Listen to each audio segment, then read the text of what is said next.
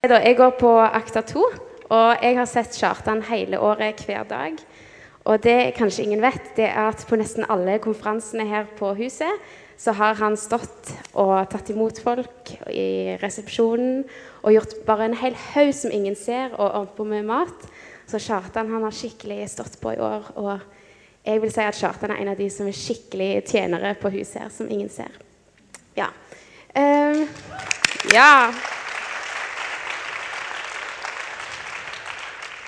Eh, på forhånd, eh, før møtet i dag, så brukte jeg litt tid med Gud og lurte på om han hadde noe han ville dele med meg angående hva han ville gjøre på møtet. Som jeg delte på bønnemøtet, og så mente Martin jeg måtte si det til dere òg. Eh, og noe av det jeg følte han sa, det var at jeg ønsker å forløse håp og glede over folk. Og jeg syns at håp var litt stort og litt generelt, så jeg spurte ja, har du noe mer du vil si. Eh, og det jeg følte han minte meg på, det var kolossene. Um, skal vi se Kolossene 1 fra 25. Så kan jeg lese. Der sier Paulus i brevet her For den, og det er kirka, er jeg blitt en tjener i kraft av det forvalteroppdrag Gud har gitt meg hos dere, å fullføre tjenesten med Guds ord, den hemmelighet som har vært skjult fra evighet av og for alle slekter, men som nå er blitt åpenbart for Hans hellige. Gud ville kunngjøre for dem hvilken rikdom av herlighet denne hemmeligheten betyr for folkeslagene. Kristus blant dere, håpet om herlighet. Eh, og dette håpet om herlighet det innebærer veldig mye. Blant annet så innebærer det at en gang så kommer Jesus igjen. Da skal det bli en ny himmel og ny jord. Og vi som tror på Jesus, vi skal få lov til å være i himmelen med Jesus. Eh, og i denne himmelen så er Gud. Han er konge. Og sånn som vi har snakket om tidligere nå på møtet, så er Gud òg far. Og det innebærer at jeg er ei datter av denne himmelen. Og det som vi kan kalle Guds rike òg. Eh, men dette håpet, det som er den gode nyheten for oss, da, det er at håpet er ikke bare et håp om noe som skjer den gangen, om lenge. Men håpet innebærer at når Jesus kom til jorda, så kom det Guds rike, som en gang skal komme i liksom full bragd, det har begynt å komme nær til oss. Eh, og dette håpet om herlighet, det betyr da at når Tommy tok og ga en klem til denne dama, så kom noe av det som er virkeligheten i himmelen. Det kommende Guds rike. Det kom nær til henne. Eh, og jeg tror noe av det som Gud vil si til oss i dag, da, det er at dette håpet om herlighet det er veldig bra for meg. For det betyr at jeg får lov til å være en del av eh, Guds rike. Jeg får være en datter av pappa Gud, som er konge. Eh, men det har òg betydning for alle jeg møter hver dag. Fordi at jeg får muligheten til å vise at dette riket, det fins. Når jeg legger hendene på noen som er syke, så, og de blir helbreda, så, så, demonstrerer det på en helt sånn praktisk måte at Gud er far, og at jeg er hans datter. Uh, og jeg tok meg et bilde som hang i stua mi, som jeg malte for noen uker siden. Eller måned, eller et eller annet. ja. Uh, og der står det I am so loved. I have found great favor with the king. I am his beloved one. He has good thoughts about me. I live for his glory. Og det henger jeg på veggen fordi at jeg trenger å minne meg sjøl om at jeg er, ja, jeg er en datter av pappa Gud. Og at jeg kan demonstrere at Guds rike det er nær her og nå.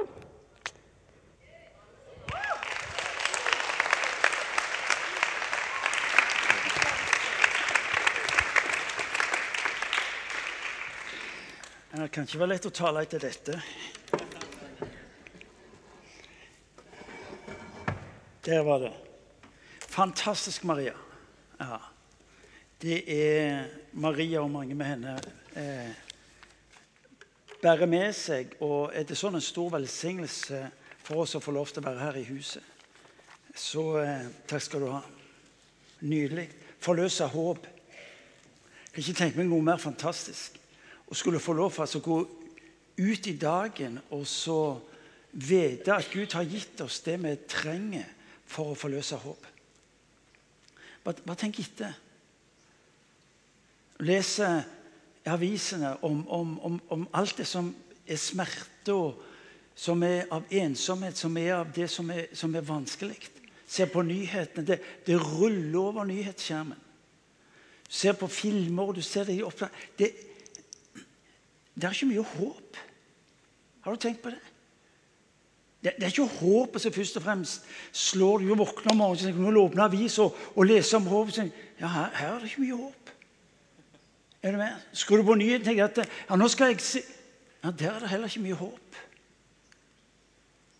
Og så lyder det altså til menigheten at menigheten er altså bærer av håpet. Kjenn etter.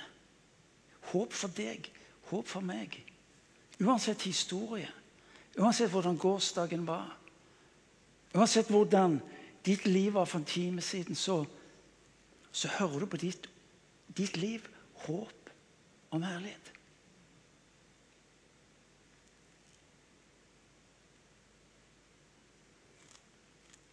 Jesus, eh, Jesus har vært sammen med med disiplene i tid, og så, og så sender han de ut. Han, eh, han, sender de ut to og to.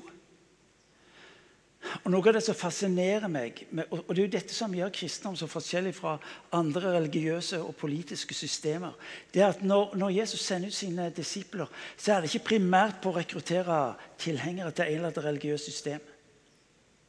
Det Jesus er opptatt med når han sender disiplene ut, så er det for at de skal velsigne. Eh, det, det, som er kirka sitt kall, det som er ditt og mitt kall, det er rett og slett å bringe velsignelsen, håpet, ut til menneskene omkring oss. Det lyder ifra de første kapitlene i Bibelen når Abraham får hørt at i ditt navn skal alle slekter velsignes. Det, det, er noe, det, er ikke et løfte som starter den dagen Jesus kommer inn i denne verden og proklamerer at Guds rike er nær. Det løftet starta lenge før. Men ved Jesu liv, ved hans offer, ved hans soning og død på korset og oppstandelse, så er det nesten som at eh, jeg kan nesten si, altså, nå, er, nå, er alt, nå renner alt ut. Og så er det slik, For å bli et banalt bilde, så er det slik at denne Guds velsignelse den, den, må, den må ha kanaler som det kan få lov til å strømme gjennom for å berøre mennesker. Jeg husker at jeg for en del år siden eh, ble tatt inn og jeg ba om en del ting. Og så, og så minner Gud meg om beretningen jeg husker ikke hvor det står, men, men uh, hvor, hvor, kongen ber om råd. Og så han, sender han bud på profeten og så harpespilleren, og så, og så sier profeten at eh, du må grave grøftene før regnet kommer. Hvis ikke så går vannet til spille. Du og meg er gitt den unike muligheten til å få lov til å være mennesker som har sagt, er grøftene for Guds velsignelse, slik at det kan berøre mennesker og skape håp. Det er derfor du og meg er her.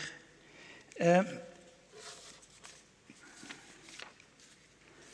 I Lukas evangeliet kapittel 10 så leser vi fra vers 1.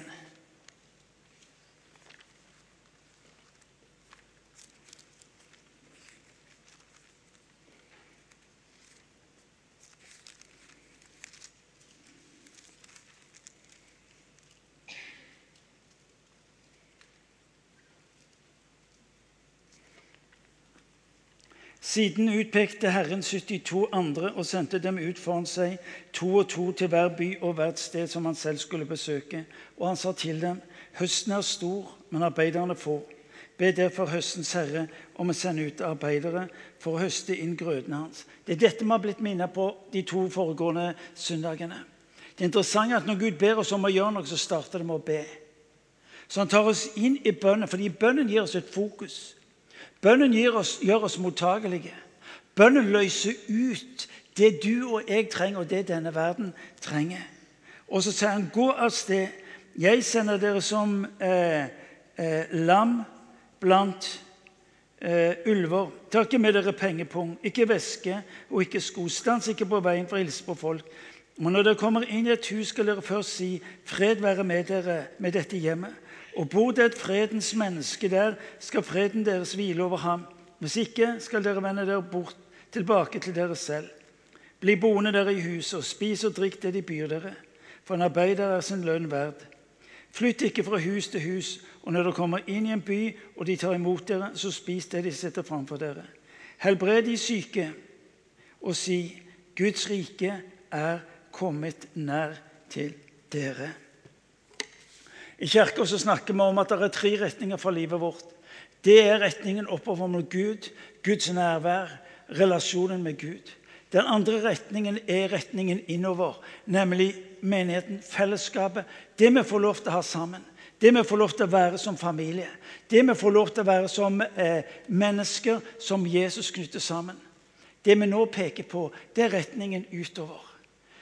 Det, det, det, det, er ikke mulig å være en Jesu etterfølger og bare ha retningen på Guds nærvær, menigheten og det jeg trenger for mitt liv. Det er ikke mulig å være en Jesu etterfølger om ikke også for den tredje retningen, som gjør at trikanten blir eh, etablert. Jesus er opptatt med at vi skal ut. Og så lyder det over ditt og mitt liv. Hva er det vi skal gå, hva er det vi skal gå med? Du skal bringe velsignelsen videre.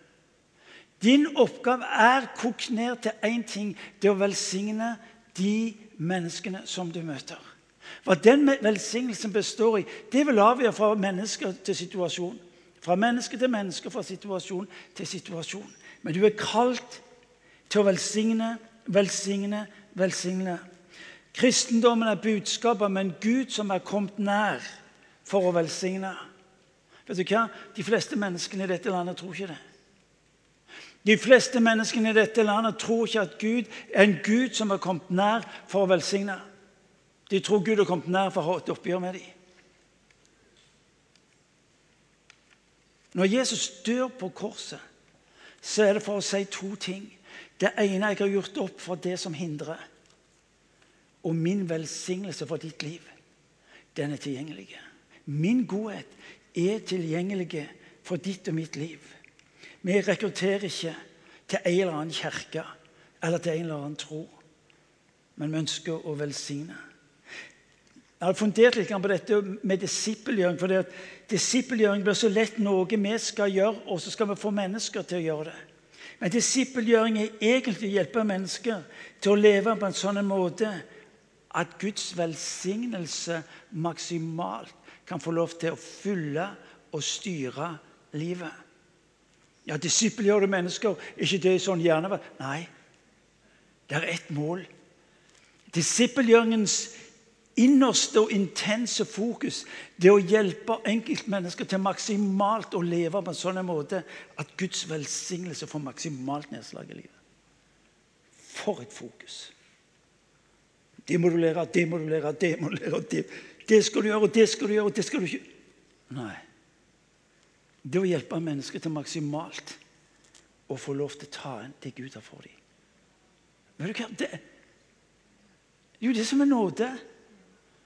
Og hvis du vil vite det Jeg, jeg er ekspert på alt det der som Det skal du gjøre, det skal du gjøre, det skal du ikke gjøre. skal du ikke gjøre. Jeg blir trøtt av det der òg en stund.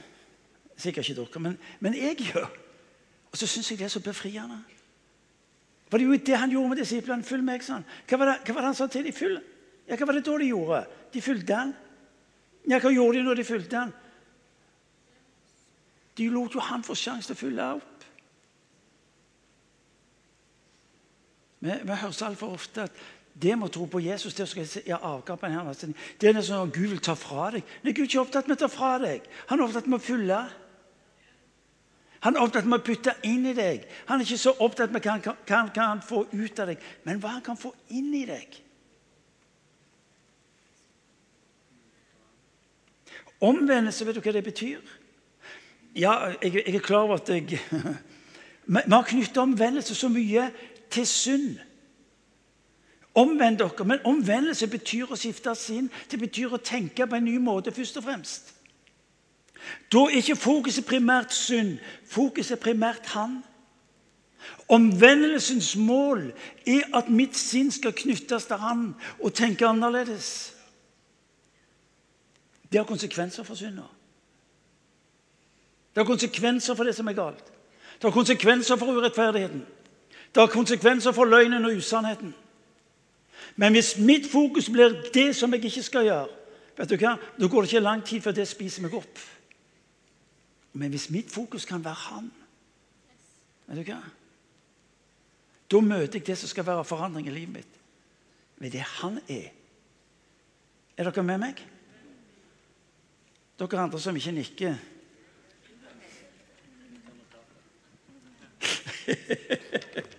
han tar notater. Men vet du hva?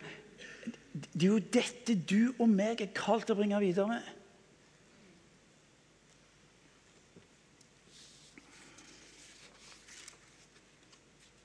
Så sier dere skal lete av fredens person.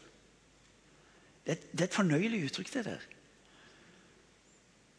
Ikke de hissige, ikke de sure, grinete misfornøyde you name it. Er dere med? Ikke, ikke de. Skyg unna de.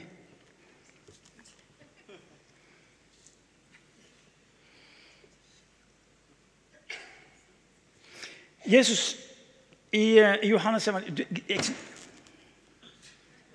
Det er min bok. Dette, jeg syns dette er så fascinerende at det kan, det kan bli lenge i kveld. Skal, det skal ikke bli lenge. Fordi at Her er det så mye av Skriften som inviterer oss inn i å tenke annerledes. Fordi at Når du tenker annerledes, så ser du annerledes. Og når du ser annerledes, så handler du annerledes. I Johannes evangeliet kapittel 4 så står det om det en av disse fredens personene. Fredens person det er de som hører. Fredens person det er de som vil ha tak i det du sier. Fredens person det er disse som de, de kan ikke la være å henge med deg, fordi det er et eller annet som de må få tak i.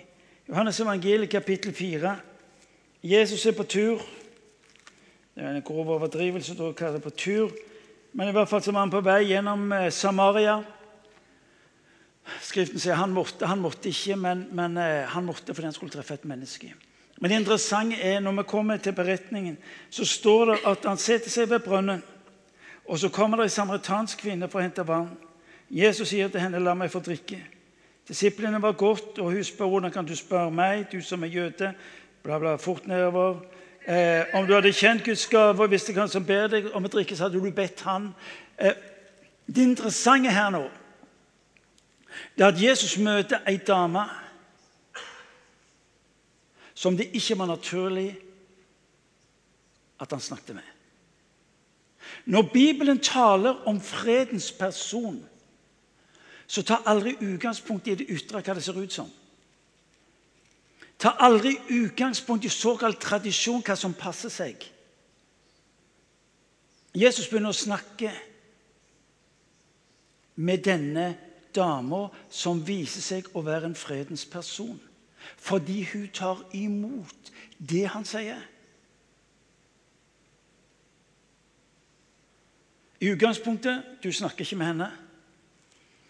Himmelen sier 'snakk med henne'. I utgangspunktet så ber han henne ikke om hjelp. Himmelen sier 'be om hjelp'. For det du vil oppdage, det er at fredens personer gjerne vil, hvis de bare får sjanse til å forstå, være med og støtte det du er opptatt med. Denne fredens person prostituert. Nei, du har ikke bare én mann, sier Du har ikke bare én, for du har hatt syv, og den du nå lever med, er ikke mannen din. Hun hadde et register av lovbrudd ifølge det som var akseptert. Men det som skjer, det er at dama, denne fredens personen, får et møte med Jesus. Hva er, det, hva er det som kjennetegner fredens person? det at han vil ta imot. Hør nå godt etter. Du, du, har hørt det så mange ganger før du skal få det en gang til. Mennesker har ikke sagt nei til Jesus. De vet bare ikke hvordan han ser ut. Når du og meg møter mennesker rundt oss, så skal du se på dem ikke som mennesker som sier nei, men disse menneskene vil egentlig si ja. Men de må først få tak i hva er skal si ja til. Er dere med meg? Det betyr at Når du står opp om morgenen, så møter du ikke motstandere av Jesus. Når du står opp om morgenen, så møter du ikke de som er for på de kristne. Jeg sa det ikke.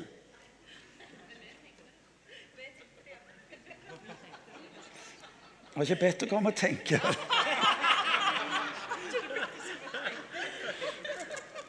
Så står jeg opp om morgenen, og så vet jeg at de folka jeg møter, de har ett ønske. Det er å få tak i dette håpet. Fordi at jeg trenger det. Kjører rundt i sine BMW-er X5. Hva? Noen av oss har kun råd til å tenke det.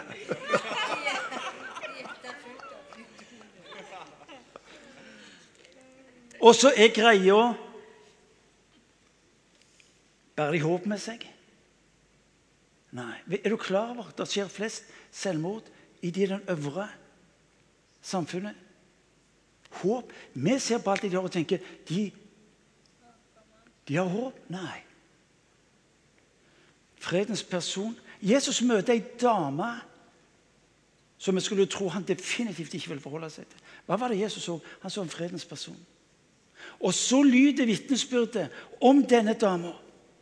Fordi han vågte å være nær, så er vitnesbyrdet om denne dama Hun samtaler med han, hun spør.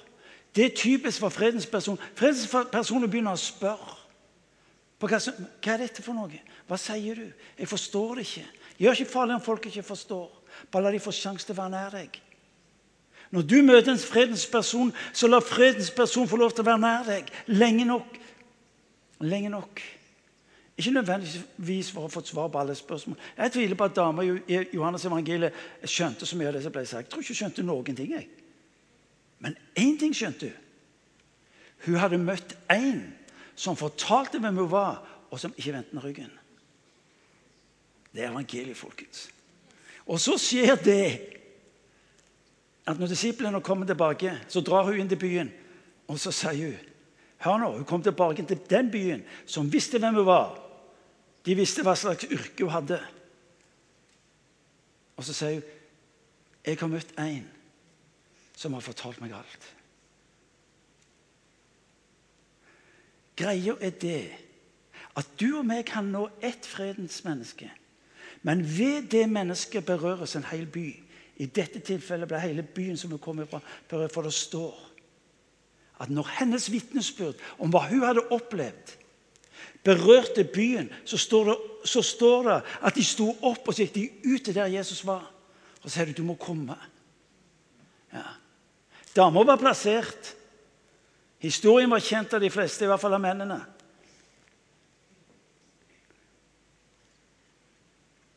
Og byen er forvandla. Vet du hva som er tankevekkende her? Apostlene hadde vært i den samme byen. De hadde ikke registrert engang. Vet ikke om du har tenkt på det. Byen hadde ikke registrert engang at disiplene, Jesu nærmeste medarbeidere, hadde vært på soveplassen. Jesus treffer fredens person, og det skjer en forvandling.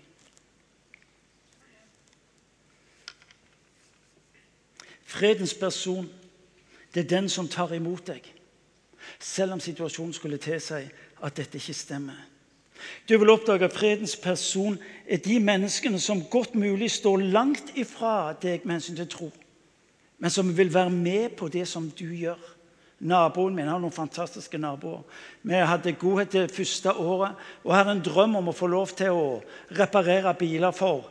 Spesielt var det enslige forsørgere. for jeg så en så biler som disse kjørte rundt i, tenkte de var livsfarlige både for seg sjøl og ikke minst for oss andre. Så jeg tenkte vi må, vi må få gjøre noe med det. Og så visste jeg at naboen min var, var verksmester på et av de store eh, eh verkstedene i byen. som går over til. Vedkommende går definitivt verken kirke eller bedehus. Og hva troen på Gud angår, så tror jeg det er rimelig ymse. Så jeg går over og sier jeg, du, jeg, eh, jeg har en drøm, sier jeg om å kunne få lov til å gå ut og invitere, så beskrev jeg det. Hva jeg kunne tenke meg å gjøre. Og Han sier det er jo fantastisk. Ja, og så er det gratis, sier jeg. Men det er jo helt sprøtt. Ja, det er det, sier jeg. Men det må være gratis, hvis ikke så har det ikke mening. Og så sier vi hva, Martin, dette vil jeg være med på. Men jeg må snakke med sjefen. Og så skjer det at uh, Magne ringer sjefen dagen etterpå. Kommer, du hva, Martin? Dagen etterpå så han til meg og sier vet du hva, Martin, det Han sa ja. Dette måtte vi gjøre. Og så opplever jeg at en som ikke har noe med troen å gjøre, en som ikke har ting med dette huset å gjøre, blir en sånn en fredens person som åpner dørene, slik at Guds rike kan få lov til å berøre andre mennesker. Da vi i sin tid flytta inn i skulle, prøvde å komme inn på denne plassen her, så gir Gud oss å møte en, en fredens person, Halvard. Halvard Veen. Jeg, satt og, snakket med en av de ledende innenfor næringslivet i Stavanger på lørdag. Vi traff han forbi et eller annet til Lukas. Kjøpte is. Går det vært henne et eller annet til Lukas? Ikke så lett. Mye lettere før. Ja, det er enkelt navn.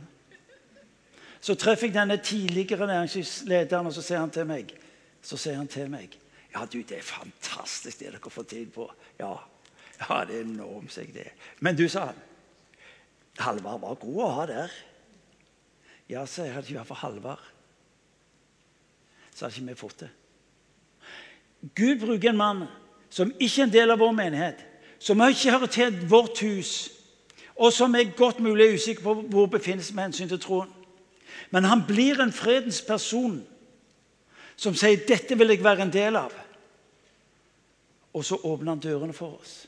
Og så sier den samme mannen Du vet det, sier han, at Halvard sine foreldre og mine foreldre de gikk i Salem, de, for 100 år siden.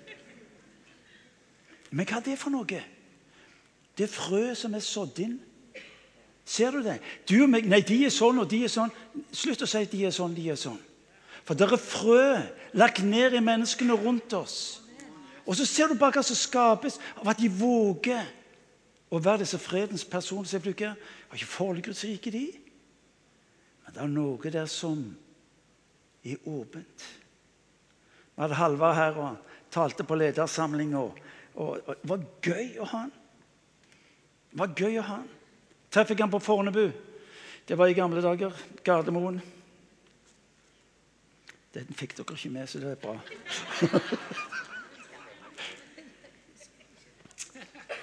Dere vet knapt hva Fornebu er. Bare så finner meg. Vi vet det. Så treffer jeg han på Gardermoen. Og så sier jeg du, eh, jeg har eh, Burde ikke vi få hjelpe Men, vi vil bety noe for innvandrerne, sier jeg. Og så Du, hva tenker du? Hva kan vi gjøre? At du kan være sånn. Hvis dere kan starte språkskole for, for, for, de som kommer sånn, da hjelper dere dem inn i det viktige. Og så legger han ut om dette her. Og Så ringte jeg han her for en tre-kvart år siden. Sier du, jeg bare forteller, så, så, forteller jeg om hva som skjer med språkskolen. Så, helt fantastisk. Helt enormt. Og så sier han du vet du hva? Jeg promoterer ingenting. Men hvis du trenger hjelp til å promotere denne skolen lenger utover, så skal du vite at jeg er klar. Hva er det for noe? Fredens person som åpner opp for Guds rike, skal berøre andre mennesker. Ja. Han er NHO-direktør i området. Jeg har stor respekt for det liv som skjer i dette huset. Fredens person som tar imot deg som våger å omfavne godheten, som tar imot dine ord, og som vil være med på å åpne dører. Praktisk. Hvordan kan jeg finne disse fredens personer? Be om du skal finne dem. For når du når å få se fredens personer nådd og berørt, så vil du oppdage at de er døråpnere inn i familier, inn i miljøer, inn i uh, ulike sammenhenger. Din og min oppgave det er rett og slett når vi står opp om morgenen og sier Gud, vil du lede meg? Vil du lede meg til en fredens person. Og det kan bety fredens person kan være bussjåføren. Fredens person kan være personen i butikken. Det er, sånn, det er, det som skjer der og da. Eller det kan være den langsiktige relasjonen som du etablerer. Fredens person. Men vær på leit etter dem. Be Guds ånd om å lede deg til dem. Og du vil oppdage at det som du ser gir inn, kan enten være det frøet som andre skal få høste av litt senere, eller det kan være den, den lengre etableringen. Det interessante er jeg, eh, Det var Elling som anbefalte boka som jeg leste med stor interesse, 'Utrolige hendelser'. Det er en bok som forteller om hvordan evangeliet går fram i den muslimske verden. Og det, det som synes seg å være en nøkkel, det er nettopp at de leter etter fredens personer. Det interessante er at 20% av de som først blir nådd med evangeliet, er imamer er prester innenfor det muslimske miljøet. Mennesker som ikke er lukka, men som er åpne og spørrende og fortvilte. For det håpet som vi hørte om, det ser de ikke i den religionen som de er en del av.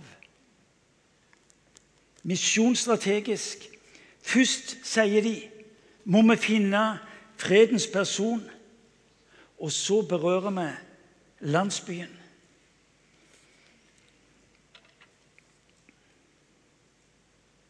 Vi ser at uh, dette mønsteret går igjen også i apostlenes gjerning. Når Paulus er ute med sin, sin misjonsreiser, skjer akkurat det samme. Les om dette i Apostlenes gjerning, kapittel 16. Akkurat det samme. Det er et mønster som fyller mye av misjonshistorien gjennom tidene.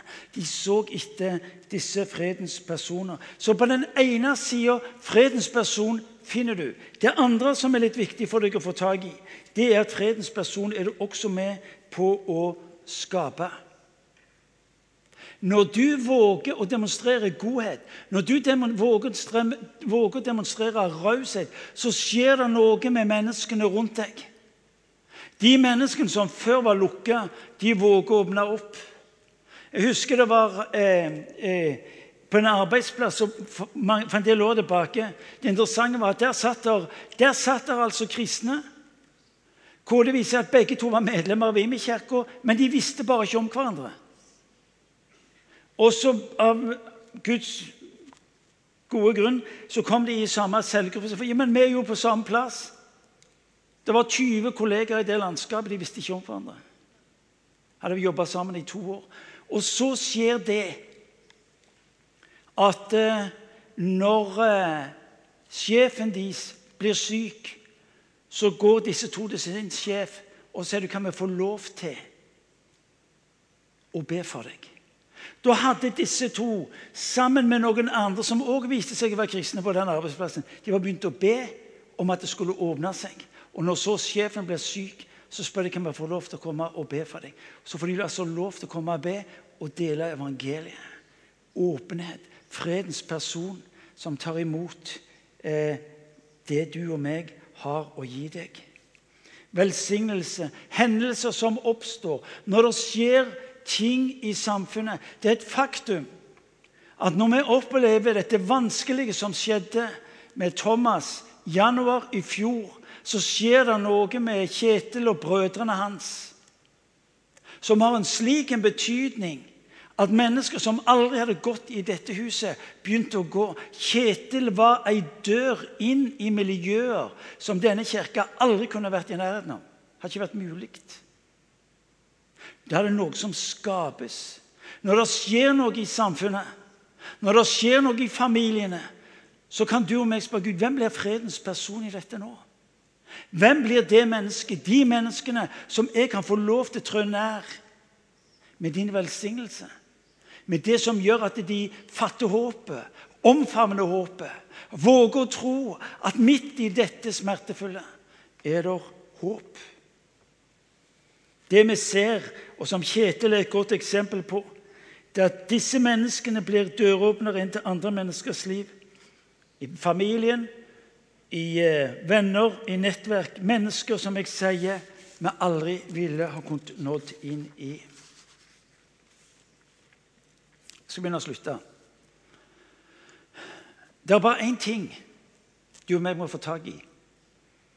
Hvis du og meg skal se og få berøre fredens person, må du og meg være villige til å være i de miljøene og blant de menneskene som du ikke finner uten videre fredens personer.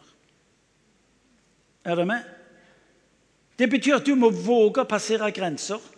Det betyr at du må våge å være blant de menneskene i de miljøene som du kjenner at Gud kaller deg og ber deg om å være i. Du, som du kan si, ja, Her var det ikke mye av fredens person. Nei, men nettopp der vil Gud vise deg hvem som er fredens person, for at de kan berøre det miljøet som du og meg tror ikke er mulig å berøre.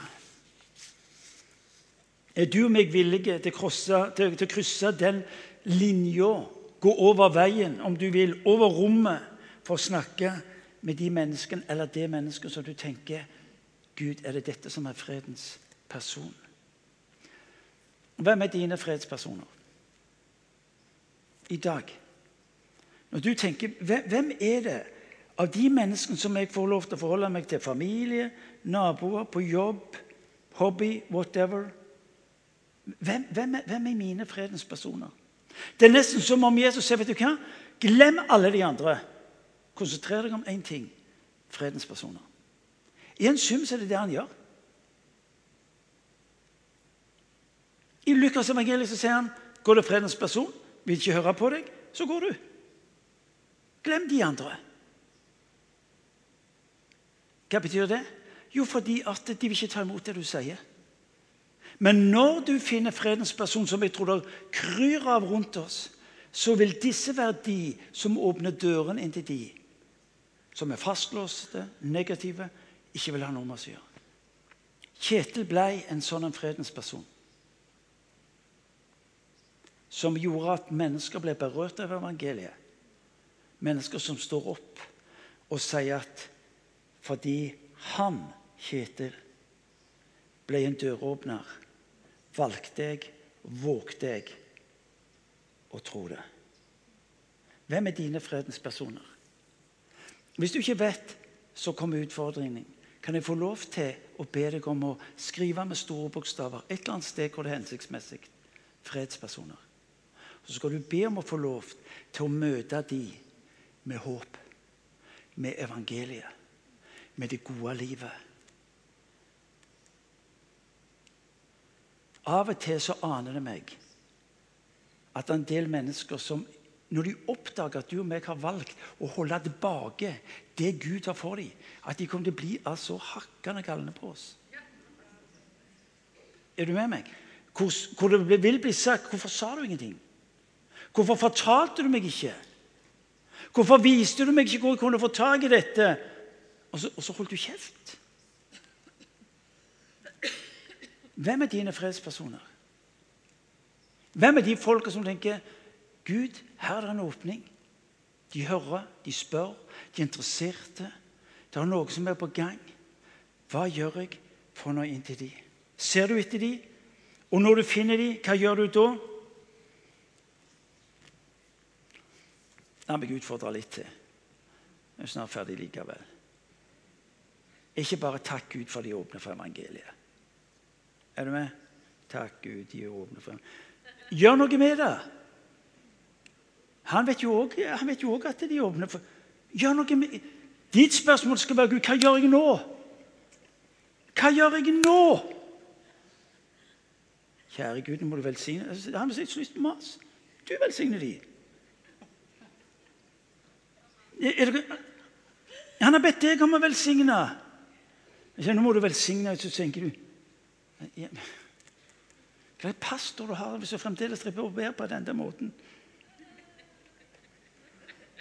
Jeg må ikke dere se det sånn. Når du har sett fredens person, vet du hva? da har du én ting å gjøre. Det plasserer deg i posisjon hvor du kan få lov til å velsigne. Det er god takt. Herlig fred. Er du med? Hør litt hva jeg sier. Når du skjønner at din eller den eller en fredens person, så er det din jobb å plassere deg i en posisjon hvor du kan få lov til å velsigne vedkommende. Kjære Gud, så avslappa det blir.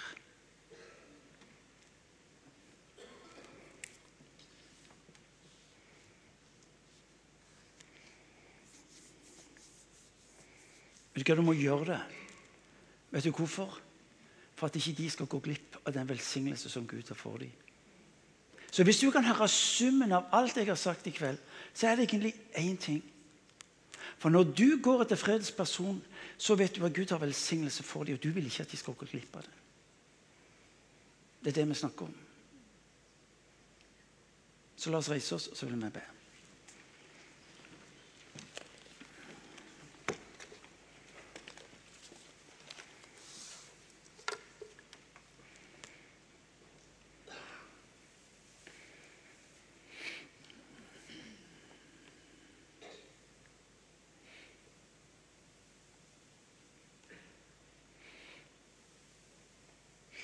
Jeg vil at du skal Jeg vil at du skal, når du nå og, og i timene og, og, det som ligger foran deg av dager, at du skal si du skal be til Jesus vil vise meg hvem som er fredspersoner som jeg møter.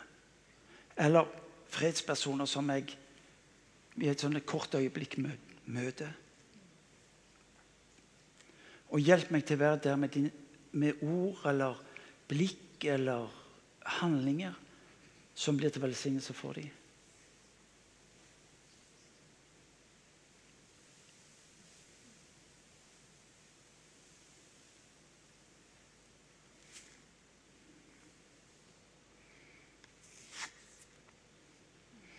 Kan du se det for deg? Kan du se dine fredspersoner? Kan du se de for deg? Enten det er familie eller nabolag, jobb, skole. Du vet at de, de er åpne. Du vet at de er spørrende. Du vet at det, er interesse der inne. De, og, og, så vil de samtale, og så, og så merker du bare at det, er noe som var åpent. Og jeg vil at du skal, du skal be Den hellige ånd om visdom, så du kan plassere deg i posisjon hvor du kan få gi inn og så at du ved det får se dørene åpne videre innover. La oss be. Herre Hellige jeg ber du skal komme til den enkelte av oss. Du kjenner oss. Du vet hvem vi er. Og nå ber jeg, far, om at du skal tydeligere for den enkelte av oss. Vise oss fredspersoner. Mennesker som jeg kan få lov til å nå og berøre.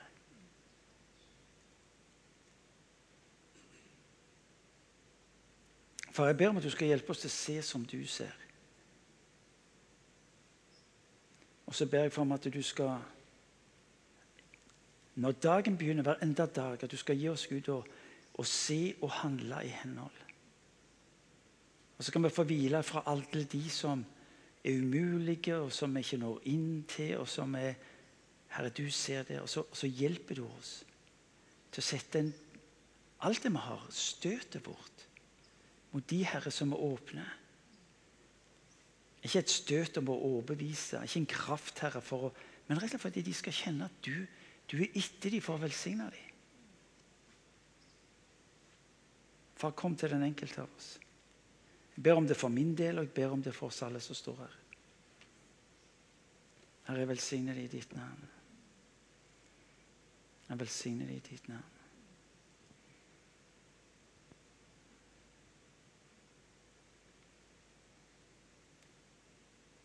Far, du minner meg om, om godhet, Herre, som ligger foran. Jeg ber om at godhet skal være dager, Herre, hvor nettopp mange mennesker eh, blir sett. Som må være nettopp fredens personer. At mange mennesker gjennom de dagene som Godhetsfestivalen skjer, at det skal være dager Herre, hvor, hvor, hvor det er nettopp møte med de mange fredspersonene som, som også Herre, blir muligheten til å velsigne på et nytt nivå. Herre, vi priser ditt navn, og vi takker deg. Lovet være du, Gud. Amen.